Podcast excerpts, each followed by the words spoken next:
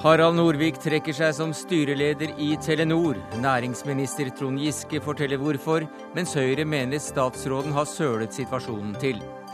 Bioteknologiloven hindrer hiv-positive å få assistert befruktning. Urettferdig, sier Hiv Norge. Vi må tenke på barna, svarer nemnda. Munchs 'Skrik' skal være verdt én milliard på auksjonen i kveld. Synd at det er litt sluskete utført, mener kunsthistoriker. Og i dag er det 20 år siden Norge skrev under EØS-avtalen. En suksess, mener Godal, som signerte. På tide å kvitte seg med hele avtalen, sier Lundteigen.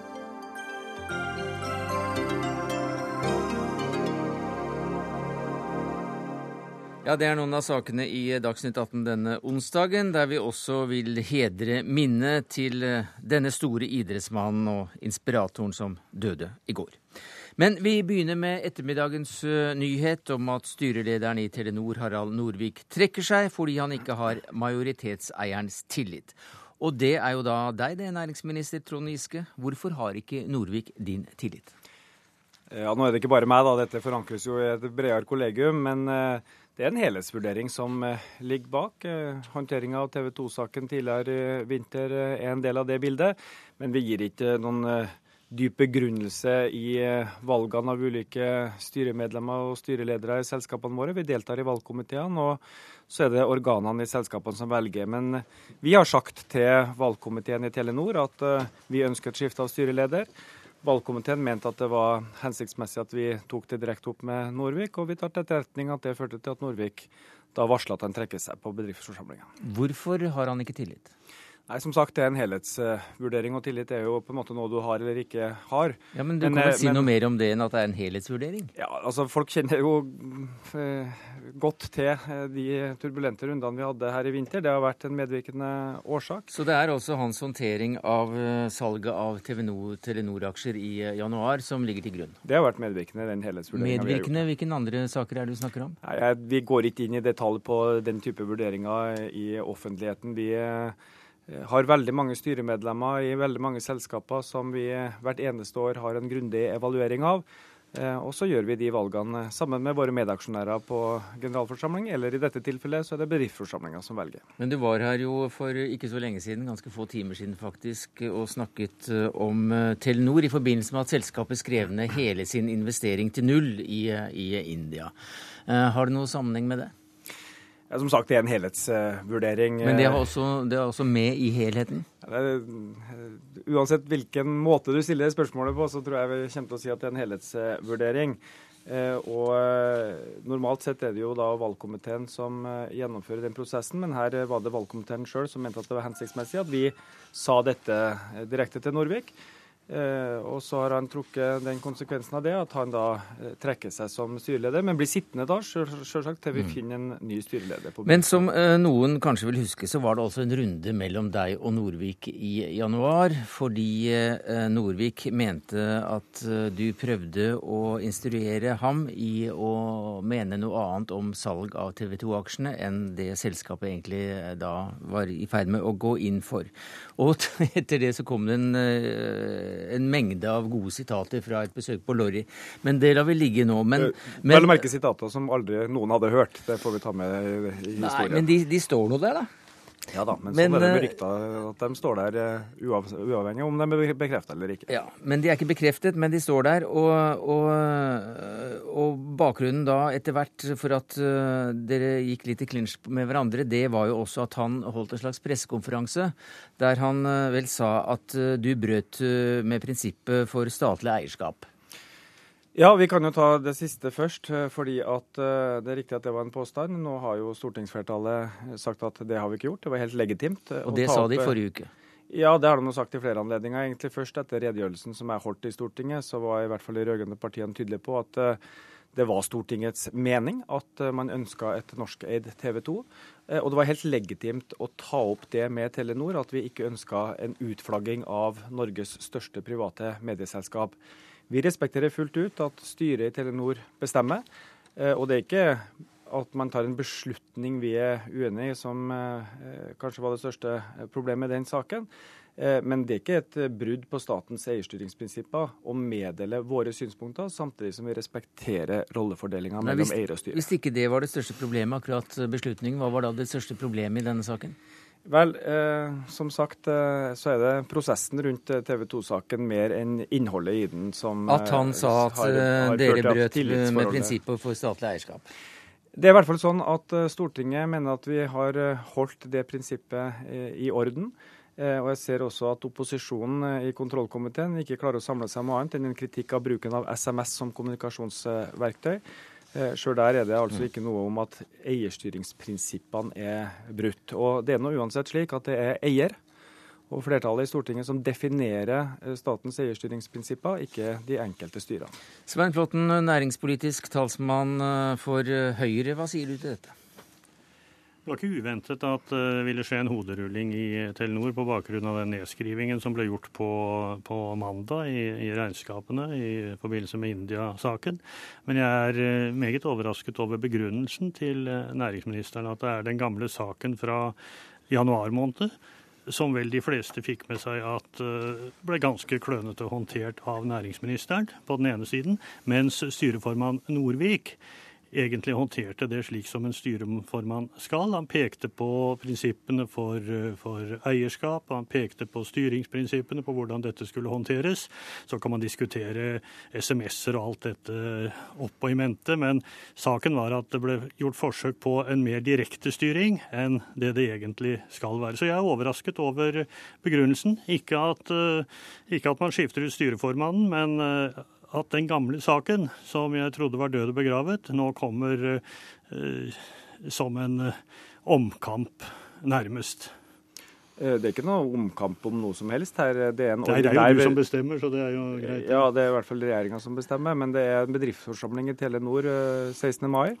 Nominasjonskomiteen skal forberede seg til den. Det er det helt naturlige og riktige tidspunktet å ta opp Eh, styrevalg på dersom man ønsker skifte i styret. Det ville vært helt unaturlig å gjort det på et annet tidspunkt enn når det er en ordinær bedriftsforsamling. Så så omkamp er det jo slett ikke. Hvert år så har vi generalforsamling eller bedriftsforsamling i de ulike selskapene, og hvert år tar vi stilling til om vi ønsker utskiftinga i styret. Helt vanlig og, og udramatisk, altså. Ja da, jeg hører hva næringsministeren sier. Jeg tror det sender eh, litt eh, merkelige signaler eh, ut, ikke minst til markedet. Nå står Telenor i en veldig vanskelig og krevende situasjon i India. Nå skal man ha en styreformann på oppsigelse, i hvert fall i en tid fremover. Og jeg må si at jeg er svært overrasket over at man bruker den gamle saken som begrunnelse, mm. Eh, og at ikke man er åpen på det som næringsministeren nå ikke vil si til programlederen her, nemlig at det også ligger andre ting bak. Jeg skjønner ikke hva som skulle være problemet med å også si det, for det er det som det at man bruker denne gamle saken, hvor næringsministeren kom i ja, i hvert fall en miskreditt hos uh, opposisjonen, helt opplagt. Og det var helt nytt? Nei, det, altså vi prøver å være ryddige, statsråd, men, men jeg syns hele denne saken er, er, ganske merkelig, og det har jeg gitt uttrykk for til, til, flere i dag. Nå hører jeg at næringsministeren nå sier noe annet egentlig enn det som sto i pressemeldingen hvor det bare ble henvist til denne gamle saken. Ja, Nå er det en helhet. og Hvis vi tror deg på dette med en helhet, og det skal vi absolutt gjøre, så trekker vi inn India også. Og Du var her for et par-tre fire uker siden sammen med Baksås, også eh, lederen for hele selskapet. Eh, og da spurte vi jo deg Det er Baksås som Baksås satt trygt, og det var ingen som eh, hevet noe øyebryn det, til det spørsmålet der, så han satt noe så trygt som bare det. Men, men, gjør han det? Nå som du skal velge en Eller innsette en ny styreleder, så kan du jo hviske vedkommende noen ord om hva han bør gjøre med, med den daglige lederen av hele selskapet, nemlig Baksås? Nei, Jeg tror vi skal være veldig tydelige på rolledelinga her. I prosessen rundt valg av styre har staten en helt legitim eh, posisjon. Vi er eier av 54% Jo, men det er helt legitimt for deg å eh, velge ut en styrer som også kan sparke Baksås? Altså, Styret vil jo kontinuerlig vurdere om den ledelsen man har i ethvert selskap er den hensiktsmessige. Det er styrets eh, ikke bare jobb, men det er deres privilegium. og Eh, I den grad de ønsker å drøfte det med eierne sine, så har de selvsagt anledning til det. Men vi mm. kommer aldri til å overprøve eller instruere et selskap om eh, hva slags eh, sjef de skal ha. Det er styrets ansvar etter aksjeloven, det å, å, mm. forvalte det. Men når vi kommer til en generalforsamling og bedriftsforsamling, så har vi en plikt i vår representasjon i valgkomiteen å ta opp de forhold vi ønsker som, som, som stat. Og Når det gjelder selve saken eh, den gangen i vinter, ikke noe tvil om at uh, vi hadde et solid flertall også i norske folk som ønska at TV 2 var, mm. forble i Norge. Eh, der er jo Høyre helt på kollisjonskurs med, ja. med, med men, men, det er nå snøen om ikke som falt i fjor, så den snøen som falt i januar. Takk skal du ha, Trond Giske, næringsminister, og til deg, Svein Flåtten, næringspolitisk talsmann i Høyre. Vi hadde også invitert Harald Norvik og Telenor til dette ordskiftet, men uh, de takket meg. Det ser altså ut som om eh, det etter hvert så berømte, men eh, ikke, eh, ikke helt aksepterte Lorry-sitatet fra Trond Giske viser seg da å stemme, hvor han ifølge VG skal ha sagt Harald Norviks tid som styreleder i Telenor kan være over. Terje Erikstad, du er leder av finansredaksjonen i Dagens Næringsliv. Hva sier du til det som har skjedd i dag? Det er jo ikke overraskende at uh, Giske ikke har tillit til Norvik. Det har gått uh, ganske tydelig klart frem. Uh, og kom frem under den behandlingen av den saken som har vært debattert nå. det som er overraskende, er tidspunktet. fordi Telenor er nå oppe i sin si, vanskeligste sak noensinne. Nemlig å prøve å få reddet investeringen i India, hvor det står 17-20 milliarder kroner på spill. Og det er klart at eh, det å miste styrelederen i innspurten der eh, Det er fortsatt noen uker igjen hvor de jobber febrilsk for å, for å prøve å redde det som reddes kan. Det kan kanskje være litt rart og litt merkelig av hovedeieren å gjøre det nå. Giske lot som om Eh, Norvik var på valg, men eh, så vidt jeg vet, så var han ikke på valg i år. Det var først neste år han var på valg. Mhm. Så dette er jo en eh, Så der grep han aktivt inn? Ja da. Norvik, eller Giske har grepet aktivt inn. Helt klart. Steinar Medios økonomikommentator her i NRK. Det skjedde altså ikke helt uventet, men tidspunktet det forbauser litt. Ja, det kan du si. Det er et selskap som har store eh, problemer. Eh, men på den annen side så burde han kanskje si fra nå på et tidspunkt før en generalforsamling, hvor det er altså mulig å, å sette opp et nytt styre. Men når det er sagt, så kjenner ikke jeg til noe aksjeselskap i Norge som ville latt en styreformann som går i klinsj med sin hovedeier, som eier 54% av selskapet, når han går i klinsj med den eieren, da kan han ikke regne med å sitte lenge.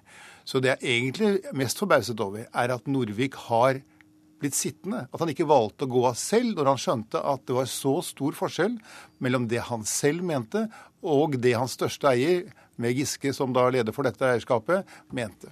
Rikstad. Ja, jeg syns det er fortjenstfullt det Norvik gjorde da han gikk offentlig ut og kritiserte statsråden. Eh, fordi Norvik var av den oppfatning at statsråden hadde gått ut over sine fullmakter. Hadde brutt med retningslinjer for statlig eierskapet. Eh, det er selvfølgelig veldig uvanlig, og du risikerer at, det, at du blir kastet. Det som har skjedd nå. Eh, det var mulig at Norvik kalkulerte med det, men at han mente at dette var så viktig at han burde si fra i offentligheten. Vi må huske på at Giske er jo ikke en personlig eier av Telenor-aksjene. Han forvalter de aksjene på vegne av den norske befolkningen. Så måten han forvalter det eierskapet på, er det av offentlig interesse å vite om. Eh, og der har Norvik bidratt. Eh, det har kostet ham styrelederjobben, men jeg syns at det var fortjenstfullt. Nå, eh, nå det, derfor så tror jeg ikke det er helt uten grunn at det er nettopp denne historien rundt TV 2 som Giske bringer til torgs. Fordi den pressekonferansen som Norvik innkalte til, den var innkalt fordi Norvik mente at det statlige eierskapet ikke hadde fulgt de prinsippene det skal følge. I etterkant har Giske fått den backing han trenger fra sin egen regjering og fra de nødvendige organer i Stortinget. Så, og det siste skjedde i forrige uke. Så tidspunktet nå passer veldig godt i forhold til at han nettopp nå har fått den formelle backingen til å si takk og farvel til Norvik. Jeg tror nok det er riktig at vi, vi må se timingen, altså tidspunktet for eh, når han sendte dette signalet, på bakgrunn av den behandlingen som har vært i Stortinget. Og også at eh, nå er vel løpet nesten kjørt i, i India. Selv om, selv om, eh, Giske var her på mandag og sa at det fortsatt er muligheter og at nå er det politikerne som skal ta stilling til innstillingen fra byråkratene, så, så er jo det at Telenor har nedskrevet sin investering til null, et uttrykk for at man mener at de pengene er tapt. Og det er derfor man gjorde det. Og det er klart, da, da har vel Giske også tenkt at det er begrenset hvor mye mer Norvik kan gjøre som styreleder eh, de siste ukene, og at det, det er begrenset skade da, for Telenor mm. at uh, styrelederen uh, går av. Og så sitter jo han i praksis uh, fram til den neste er valgt. Sånn de, de, Telenor er jo et operativt selskap som, som fortsetter som før, selv om, selv om, det kommer til å bli en ny styreleder når bedriftsforsamlingen har eh, fått tatt stilling til, da, til eh, hvilken kandidat de skal velge. Men det er et selskap som nå virkelig er ute i dårlig vær, eh, som sliter med sitt eget lederskap. Eh, jeg vet ikke om noen som har overlevd et, et, et, og har påført sine eiere tap på 20 milliarder kroner.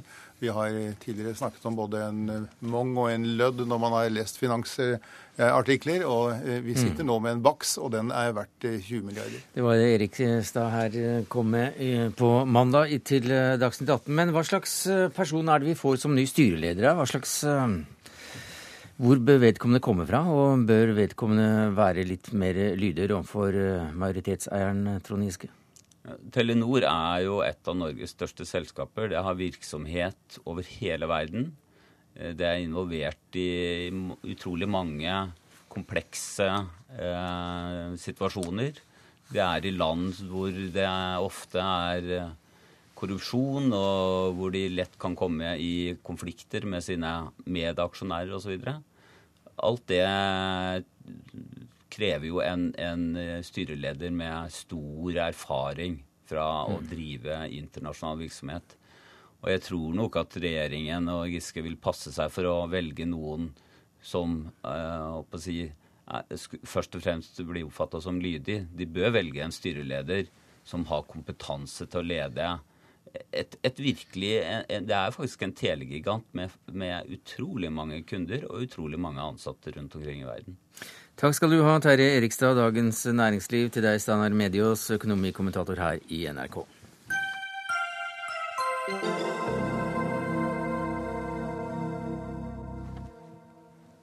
Nå skal vi hedre en eh, stor idrettsutøver her i Dagsnytt 18. Han tar en gullmedalje! Du verden for en prestasjon! Det var til ære for alle nordmenn.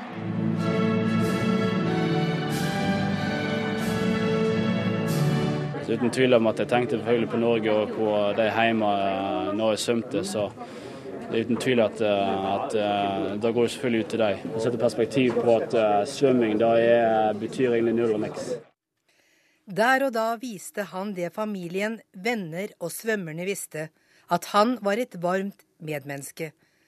Alexander hadde vært en maskin i bassenget i Kina. Etterpå kom tårene. Ja, slik eh, lyder starten av minneordet om Alexander Dale Oen i Aftenposten i dag. Og det er det du som har skrevet, Mette Bugge, sportsjournalist i eh, samme avis. VM-gullet i fjor gjorde ham til en personlighet også utenfor arenaen, skriver du videre. Hva slags personlighet var det han var og ble? Han var det som mange sier, et veldig varmt og inkluderende menneske. Han brydde seg veldig mye om dem han møtte, faktisk også journalister men ikke minst utøvere og trenere og alle i støtteapparatet. Det var eh, ikke vanskelig å bli kjent med Alexander. Man kunne kanskje tro man var den utvalgte, men eh, jeg tror de fleste journalister har det samme oppfatningen som det jeg har, er at han, han brydde seg om alle rundt seg. For du har fulgt karrieren hans i en årrekke? Ja, det stemmer. Jeg eh, kom på svømming eh, i 2004, tror jeg det var. Og da var eh, Eh, han hadde tatt et sølv i junior-EM året før. Og da var jeg i Tøyenbadet og skulle lage en, syk, en, sak om at det var så veldig mange som hadde kyssesyken i det landslaget. Og da husker jeg han var med på det bildet. Eh, jeg tror ikke jeg prata så veldig mye med han akkurat da, men like etterpå var det NM. Og da husker jeg jeg kalte han Alexander den store, for han hadde allerede da begynt å gjøre seg bemerket. Ole Kristian Strøm, du er journalist i Verdens Gang. Var han en utypisk norsk idrettsutøver? Eh, ja, altså han var jo Han var et veldig stort menneske. I tillegg var han veldig god til å svømme. Eh, han eh, var vel litt utypisk eh, på måten han Hvilke interesser han hadde, måten han var på. Ikke minst så gjorde han det jo veldig bra i en, en verdensidrett. Vi nordmenn gjør det jo ofte bra i, på ski, på skøyter, på idretter som kanskje ikke er så store på, i verdensbasis. Han kom da helt til topps i en idrett som så å si alle i verden kan bedrive, som har vann i nærheten. Hva betydde han for det norske svømmemiljøet? For det norske svømmemiljøet betydde han alt. Eh, de har jo hatt en utrolig opptur under han.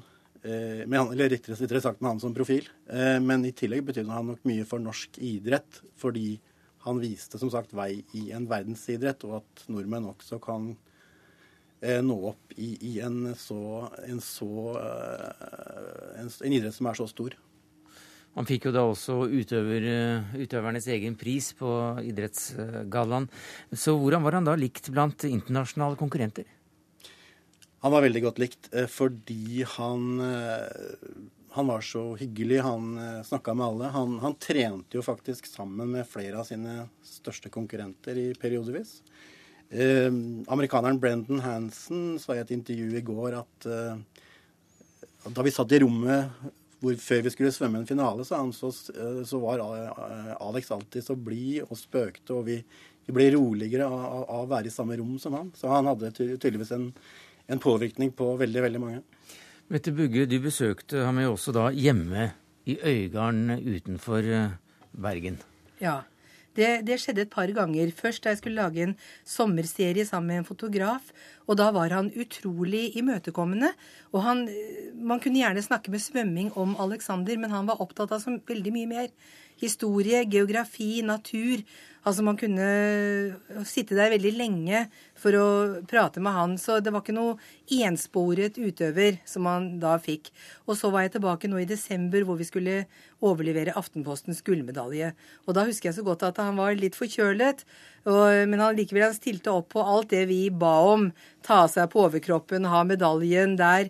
Eh, det var liksom aldri nei i hans munn, så sant vi hadde fått en avtale. Der ute på det var, nesten ytterst Nøknø. Det er ut mot havgapet. Mm. Og han var jo et, en havets mann i, i alle, alle, mulige måter. Eh, og han husker så godt at han fortalte Han var så stolt av å være stril. Og fordi at strilene hadde rodd inn til Bergen. Mm. Du kjører til Øygarden på 45 minutter, men de hadde rodd inn til Bergen. Og det syns han var så flott. Otto Smiseth, du er professor ved hjerte-, lunge- og karklinikken ved Oslo universitetssykehus. Og i natt så døde da altså uh, nok en ung toppidrettsmann. Han er ikke den uh, første. Uh, I gjennomsnitt dør det to-tre utøvere under 35 år av hjertestans i Norge. Idrettsmenn som driver med idrett hvert år. Som klinikksjef i hjerte-, lunge- og karklinikken, hvorfor gjør de det?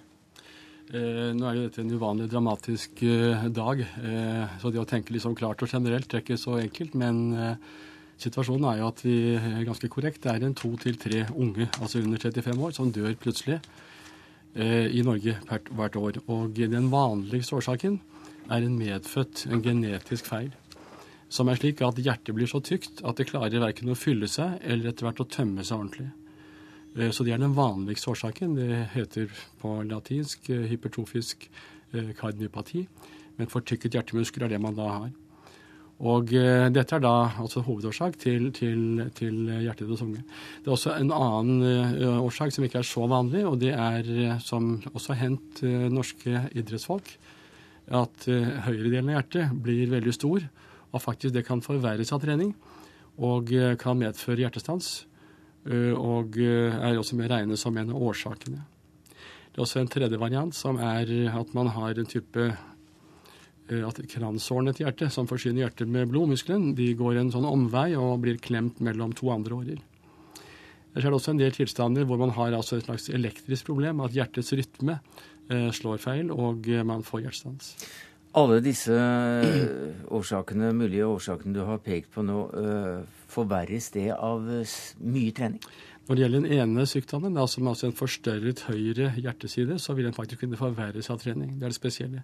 De andre forverres ikke av trening, men driver man veldig intens trening, så kan man provosere frem hjertestans. Mens da en rolig person som ikke er særlig aktiv, da ikke vil få hjertestans, vil en som er veldig aktiv, som stresser hjertet ekstra, kunne faktisk få hjertestans av den intense uh, idrettsutøvelsen. Så uh, det er slik at mange vil ha symptomer i forkant, og da er det jo mulig å finne hvem det er, og gjøre de nødvendige tester, og da ta de ut av toppidrett. Men for i dag så har jo flere da uttalt at uh, kanskje er det på, på, tide å begynne å undersøke utøverne litt uh, nøyere i forkant av å, å, slippe de løs på disse enorme treningsdosene og, og ekstreme ytelsene som, som, forlanges av dem. Brannspiller Carl Erik Torp, som selv falt om under en kamp etter å ha fått hjertestans, sa til oss tidligere i dag at det er behov for grundigere tester i Idretts-Norge. Er du enig i det? Spørsmålet er veldig relevant. Nå har det vært en praksis, eh, gjerne initiert av amerikanerne, som ikke gjør noen grundig testing. Hvis at de gjør testing, vanlig lege, legesjekk og eh, Eh, spør om det har vært noen dødsfall i familien i ung alder. I Europa så er det ikke noen systematisk eh, måte å gjøre det på, men det er en tendens nå til at det etterspørres mer testing. Bl.a. basert på mange dødsfall observert eh, under fotballkamp mm. på TV.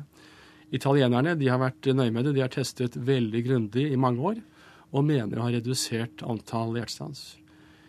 I Norge har vi kun fulgt de generelle eh, policy, som har vært da, å, å gjøre en vanlig legesjekk.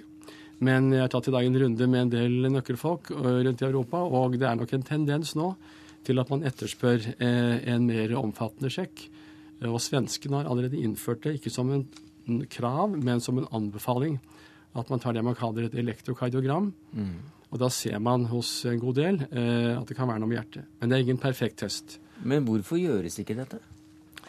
Eh, det har uh, forskjellige årsaker. Uh, det finnes, når det gjelder de amerikanske anbefalingene, så er det faktisk det er begrunnet med at det er kostbart. Og at nytten da ikke er så god som man hadde håpet. I Europa så er det mange forskjellige land med forskjellig økonomi, men allikevel nå så anbefaler Den europeiske hjerteforening anbefaler nå at EKG tas.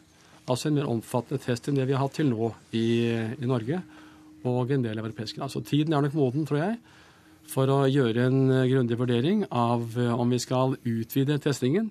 Vel å merke av toppidrettsøvere. Men vel å merke vanlige folk som vil trene. Det er ikke farlig å trene, mm. og det er ikke noen grunn til å gå til legen før man trener hardt for vanlige folk. Og understreker at eh, det altså ikke er klart hva, hva han døde av. Men uh, nå er tiden da kommet Mette Bugge til, til, å minnes ham, og ikke kunne dra til Øygarden og snakke med ham mer. Hvilke Nei. minner er det du sitter igjen som er sterkest? Jeg, jeg, sitter igjen med et litt morsomt minne, fordi eh, jeg, jeg, var i Drammen før NM i fjor. Og da skulle han ha noen treningsøkter, og jeg skulle ta bilde av han. Eh, men, eh, og så svømte han og tok i som bare det. Og jeg løp på kanten og stoppa opp og tok bilder. Og skynda meg videre og stoppa opp og tok bilder. Og når, og når, han kom opp av vannet på den andre siden da, så holder han på å le som bare det. Og så roper han ut 'Mette, du har ødelagt hele treningsøkten min'. Men han sa det veldig morsomt, for jeg trodde ikke de så så veldig mye når de var så opptatt i vannet, men han hadde jo sett alt jeg gjorde på sidelinja, og det lå han veldig av. Så jeg lærte det, at skulle jeg ta bilder av han, da skulle jeg faktisk stå stille. Strøm. Ja. Eh, først og fremst eh, veldig gode samtaler om alle mulige temaer, ikke minst om eh, om norske polarhelter, om uh, Amundsen, om, uh, om uh, Fridtjof Nansen, om Børge Ausland, om alle de som han var interessert i, om, og som han fortalte så levende om. De som han, uh, som han så så veldig opp til. Mens han sjøl ikke så på seg selv som en helt. Men Han så i hvert fall på andre som helter, også da ofrene fra Utøya. Det var da en hel nasjon trykket ham til sitt bryst. Takk skal du ha, Ole Kristian Strøm, sportsjournalist i VG, Mette Bugge, sportsjournalist i Aftenposten, og til deg, Otto Smiseth, professor ved hjerte-, lunge- og karklinikken ved Oslo universitetssykehus.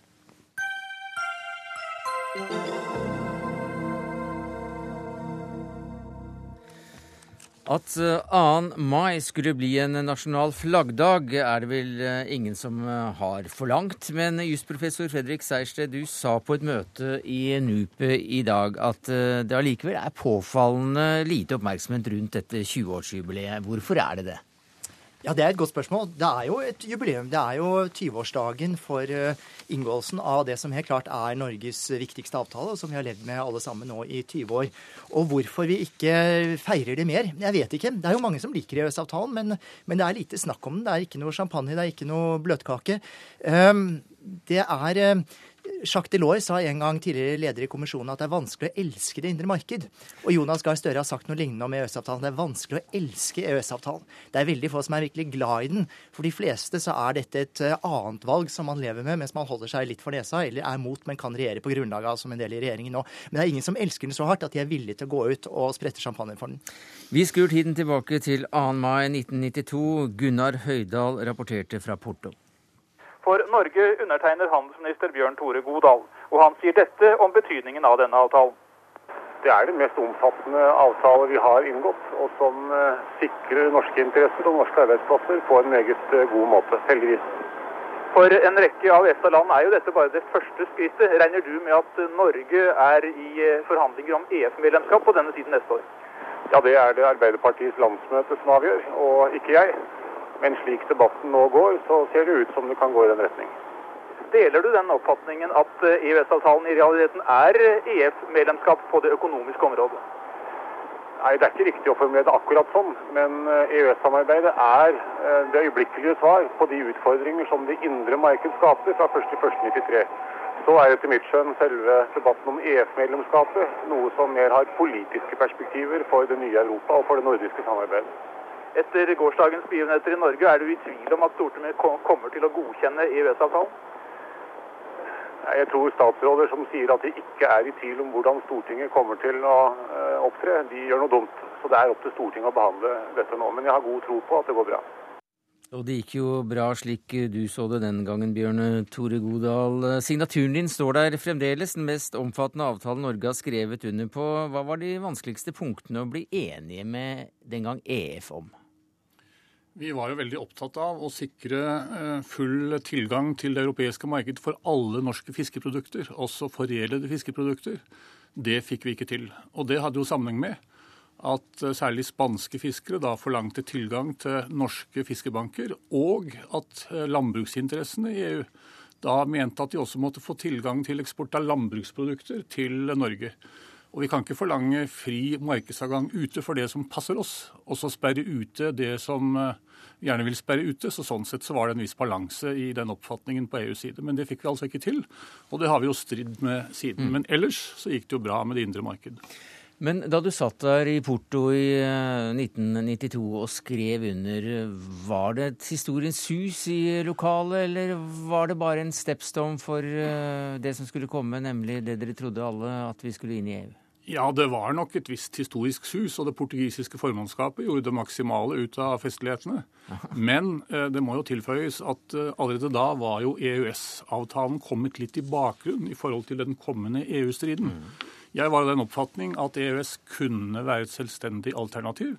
Men det kunne også være en mellomstasjon for et eh, EU-medlemskap. Jeg for min del snudde først da det ble klart at våre nærmeste nordiske naboer, eh, Finland og Sverige, sammen med Østerrike, ville forlate EFTA-sporet og så si melde seg inn hos motparten. Det var grunnen til at jeg forandret standpunkt og gikk fra EØS eh, til også å støtte EU-medlemskap. Men sånn gikk det som kjent ikke. Fredrik Sejersted, du eh, sa i dag, du fortalte i dag om, om at det var et slags vindu som åpnet seg, som ga muligheten til en sånn avtale, som jo er ganske bemerkelsesverdig i både sitt form og innhold. Ja, det er riktig. Eh, det er et tidsvindu fra 1988 omtrent til 1992 som preger EØS-avtalen. Eh, Erna Solberg sa en gang at EØS eh, e er bare så 80-talls. Og det har hun egentlig rett i, for dette er en avtale som speiler EU sånn som det så ut på begynnelsen av 90-tallet, gamle EF. Ikke sånn som EU ble etter 92, da det utviklet seg fra en økonomisk handelsunion til en bred politisk union. EØS-avtalen er den økonomiske biten sånn som EF så ut i 92. Men så har det jo utviklet seg siden, og det har kommet inn nye ting i EØS-avtalen som gjør at den er oppdatert. Men rammene, det er EF-samarbeidet i la oss si 90, 91, 92. Og det ga oss også innpass i EUs, eller EFs frie marked, eller indre marked. Hva mer er det den regulerer? Det er det indre marked, men det indre marked betyr så veldig mye mer enn folk tror. Fordi det indre marked, markedet dukker opp overalt. Så markedet er ikke bare handel med varer og tjenester, det er f.eks. hele arbeidsmarkedet. Fri bevegelighet av arbeidstakere inn og ut av Norge. Det er hele finansmarkedet. Uh, all kapitalbevegelse inn og ut av Norge. Og så er det alt som på en eller annen måte berører markedet. Og da snakker vi miljø, klima, selskapsrett, samferdsel, energi, tele, sivil beredskap, turisme osv. osv. En veldig lang liste. Uh, man kan si alle 17 departementer i Norge håndtere EØS-saker eh, i større eller mindre grad. Barne- og likestillingsdepartementet f.eks. håndterer likestillingsregler i EØS. Så det der med å se på markedet, det er bare første biten markedet i dag. Det dekker veldig, veldig mye. Men hvor, hvor eh, knyttet opp mot EU er vi da? Dere har eh, i, i Europarapporten så ga dere noen prosenttall. Og vi går ikke inn på alle mulige regnemåter, for her er det jo litt sånn gjett på et tall ut ifra hva du legger i potten. Men noen tall hadde du. Ja, ja altså det var var, Da vi laget Europautredningen, så var det et ønske om at vi skulle angi omtrent hvor mye av EUs regler og politikk har Norge overtatt.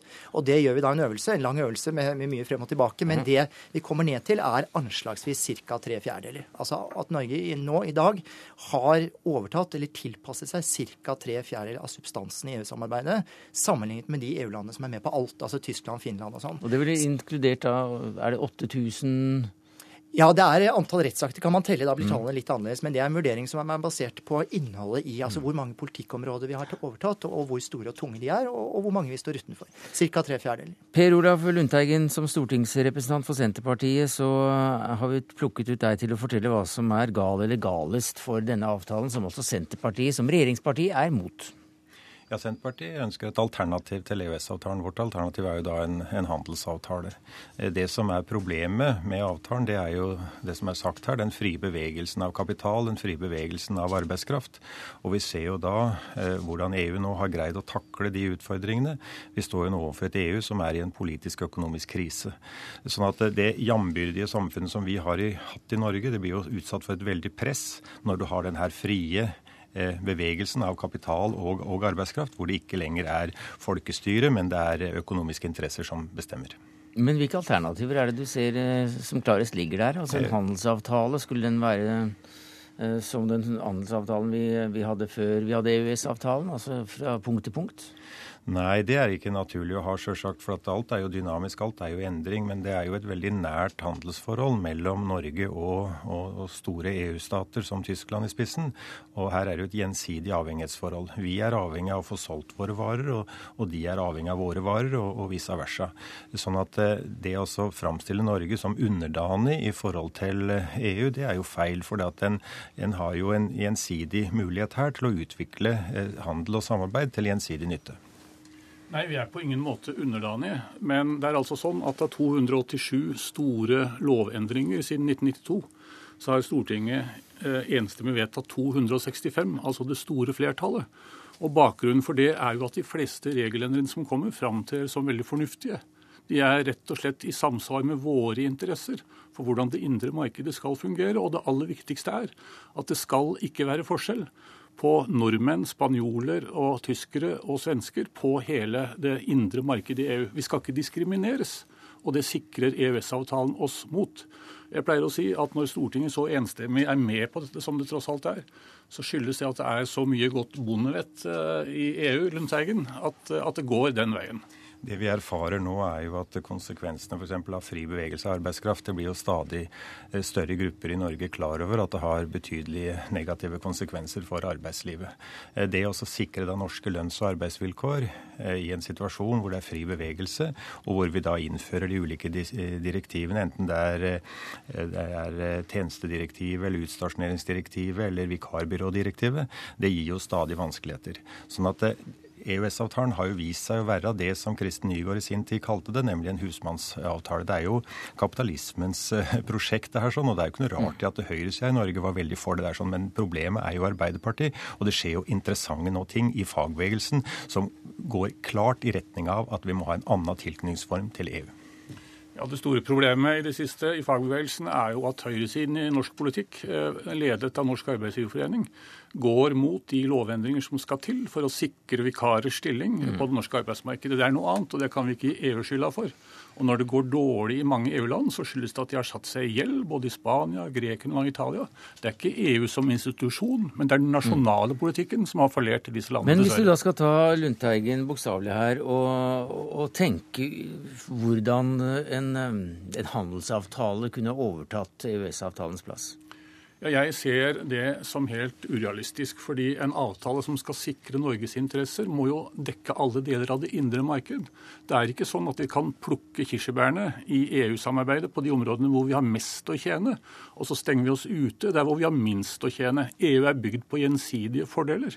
Og Det betyr bare at vi er avhengig av en form for avtale som dekker hele fjøla mm. av indre marked. Og Da er det eh, nesten det samme om vi kaller det EØS-avtale, eller et nytt avtaleverk som dekker det samme. Det er klart at enhver avtale vil jo ha fordeler og ulemper, og det vil være da en helhet. Det som imidlertid er situasjonen i dag, er jo at EU-konstruksjonen viser jo sine store svakheter.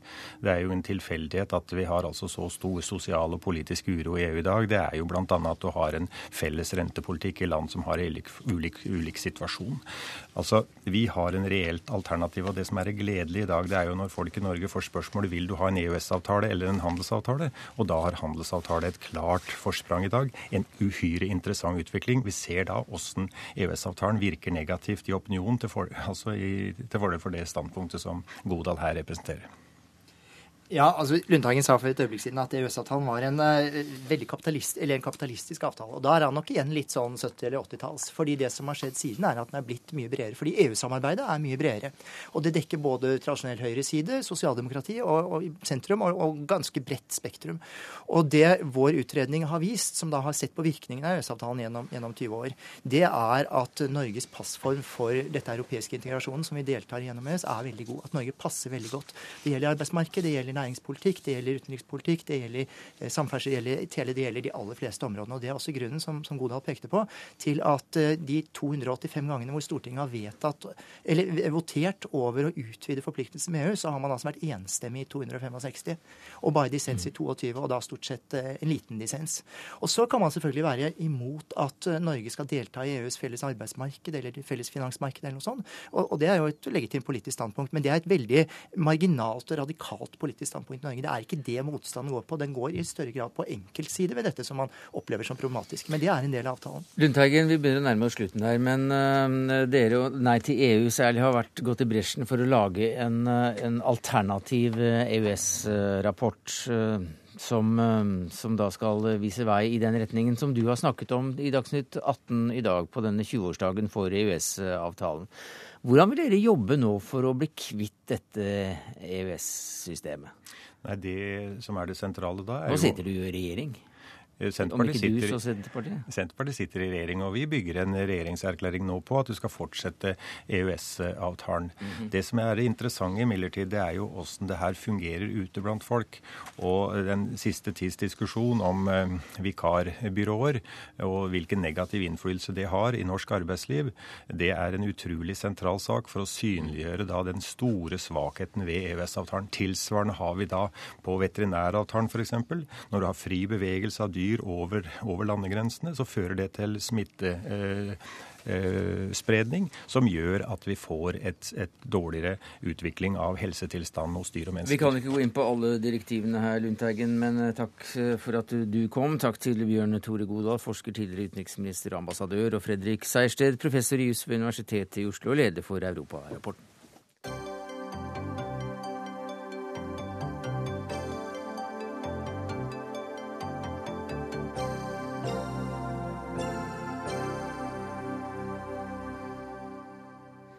Hiv-positive vil også ha assistert befruktning, men det sier bioteknologiloven eh, stopp til, og det synes dere er eh, urettferdig. Eva Aina Rød, du er generalsekretær i Hiv Norge. Hvorfor det? Vi syns det er på tide at hiv-positive får et tilbud i Norge. Dette har jo vært oppe til debatt tidligere, senest for seks år tilbake. Eh, og på det tidspunktet så var det jo en nevnd som også var delt i forhold til holdningene til dette. Mm. Og når vi nå har eliminert risikoen i forhold til overføring av smitte eh, ned til 1-2 promille, så mener vi det er på tide. Så nå er det bare 1-2 promille sjanse for at den nyfødte får hiv-smitten med seg? Ja, det er det. I en planlagt graviditet så kan man eh, starte medisinering og behandling av mor eh, i forkant av at man igangsetter eh, forsøk på, på graviditet. Eh, og Sånn sett så har man da eliminert risikoen for videre smitte. Og Hva er da grunnen til at Bioteknologinemnda sier nei, Lars Ødegaard, du er leder for den? Ja, vi drøftet denne saken for drøye seks år siden. Ja. Og den gangen var nok risikoen for å overføre smitte til barnet når mor var hiv-positiv, større. Man regnet med 1-2% og den gangen òg var det jo mange som mente at det var en liten risiko. Men et flertall i Bioteknologinemnda mente at den risikoen var for stor. At 1-2 av 100 fødte barn av hiv-positive kvinner kunne risikere å få hiv, det mente vi var ikke, eh, ga ikke grunnlag for å anbefale innføringen av et sånt tilbud. i Den gangen. Den gangen. Eh, nå har ikke vi oppdatert eh, tall, og jeg hører det som blir sagt her nå. og Vi måtte i tilfelle behandle denne saken på nytt igjen hvis vi skulle revurdere vår anbefaling. Nå er loven til revisjon. Regjeringen har varslet at den vil legge fram et nytt forslag i eh, 2013.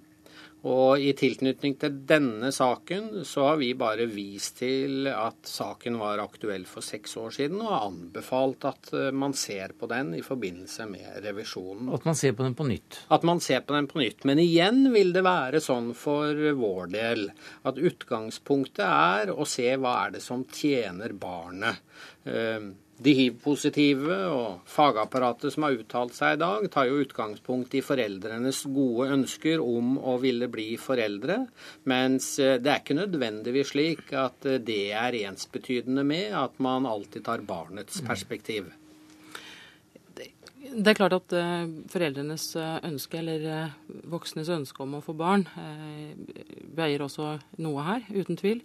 Men vi også har jo gjort en vurdering ut fra de, de meldingene vi nå har fått fra det medisinskfaglige miljøet, om at når man har eliminert risikoen i forhold til overføring av smitte, så er det forsvarlig å gi dette tilbudet også i Norge.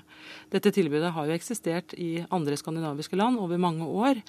Eh, og jeg tenker at eh, Hvis vi ikke har kommet dit hen nå at vi faktisk gjennom denne eliminasjonen av, av risiko for smitte eh, er i stand til å innføre dette, så tror jo jeg at vi er nødt til å diskutere hvilken risiko er det et samfunn som Norge da faktisk skal akseptere i det generelle. Da er det en litt større debatt som, som er avkrevd, tenker jeg. Ja, for hvis det er 1-2 promille, så er det mange andre situasjoner eller fenomener i samfunnet som man også bør se nærmere på? Uten tvil. Utgangspunktet for uh, bruken av bioteknologiloven er jo hvem som omfattes av mulighetene til å få assistert befruktning. Eh, men dette spørsmålet reiser jo sikkert også flere aspekter i en politisk behandling. Nemlig den risiko det jo også representerer for barna og barnas framtid i forhold til det å ha én eller to hiv-positive foreldre. Eh, men det er jo heldigvis sånn, som det nevnes her, at behandlingstilbudet i Norge i alle fall er blitt radikalt mye bedre. Og sånn sett så er nok eh, det helt betimelig det å stille spørsmål om denne saken bør eh, vurderes på nytt igjen. Og særlig dersom det stemmer at risikoen er gått så radikalt ned som det hevdes. Og Vi tenker jo også at, at eh, når medisinskfaglig miljø eh, med Ullevål i spissen eh, uttaler det de har gjort i dag i forhold til risiko, så vil jo mye av debatten også kanskje handle om at man ikke har oppdatert kunnskap i forhold til beslutningstakerne. Videre i forhold til, i forhold til holdninger også, tenker jeg. Men nå hører du Ødegaard trekke inn at det er ikke helt risikofritt å, å være barn og, og ha hiv-positive foreldre? Og da, Fortsatt så handler dette da om at, eh, at samfunnet, eh, og kanskje de som skal beslutte også, har manglende kunnskap i forhold til hvordan det faktisk er å leve med hiv i dag. Eh, Man har et tilnærmet normalt livsløp som hiv-positiv i dag. Ved å bygge informasjon i forhold til samfunnet, så vil jo også det forenkle hverdagen i forhold til det å være åpen hiv-positiv med barn også. Dette er jo veldig bra. Samtidig så tror jeg også at eh, det er et større bilde. Og det dreier seg også om at det er en del som kanskje har noe større utfordringer enn gjennomsnittet her. Og det er også sånn at det er flere av Ja, Hva tenker du på da? Nei, jeg tenker jo på at det er eh, folk som er under behandling, som kanskje også er eh, metadonbrukere samtidig som de er hiv-positive og ønsker seg barn. Så jeg tror at vi må se at denne saken har i seg flere aspekter aspekter som også må legges på vektskåla når en skal avgjøre dette, til barnets fremtidige beste. Og det er også andre smittegrupper som ikke har et tilbud i Norge i dag, og som jeg tenker eh, jo også sannsynligvis vil stille de samme kravene og ønskene om å få assistert befruktning. Så jeg tenker det er viktig at Norge gjør sine egne vurderinger, uavhengig av hva andre gjør, og gjør det ut ifra hvordan vi i Norge ønsker å ha en lovgivning på dette området? Eh, jeg tenker også at I forhold til hvilke grupper vi her snakker om altså Det vil jo gjøres, bli gjort en, en, faglig vurdering her i forhold til hvorvidt uh, dette paret faktisk uh, kan motta assistert befruktning. Være seg i forhold til andre typer tilleggsproblematikk som mm. ligger her. Det, det, gjøres jo i samfunnet for øvrig også når det gjelder hiv-negative. Så Vi kan ikke helt forstå hvorfor hiv-positive skal behandles annerledes enn andre i samfunnet. Assistert befruktning er jo tilgjengelig i Norge i dag, men per i dag så eksisterer det ikke for hiv-positive. Poenget er at det er to parter her. Det er ene er foreldrenes gode eh, ønske om å få egenproduserte barn. Og det andre er når samfunnet må inn og bidra for at det skal bli en mulighet. Og også tenke på den som blir resultatet av denne behandlingen, nemlig det kommende barnet. Men jeg har sånn forstått det slik at uh, også Bioteknologinemnda i Norge da er litt på, mer på glid enn de var for seks år siden. Er det slik du også leser dette, Eva Einarø? Jeg håper jo at det faktisk er sånn. Eh, vi har jo en liten vei fram til at det skal endelig besluttes. Og mm. det vil jo være noen politikere som skal inn i bildet her etter hvert også. Lars Ødegaard som leder av Bioteknologinemnda sitter og nikker her, så, så, det er nok eh, slik det er. Eva Einerød, takk skal du også ha, generalsekretær i Hiv Norge.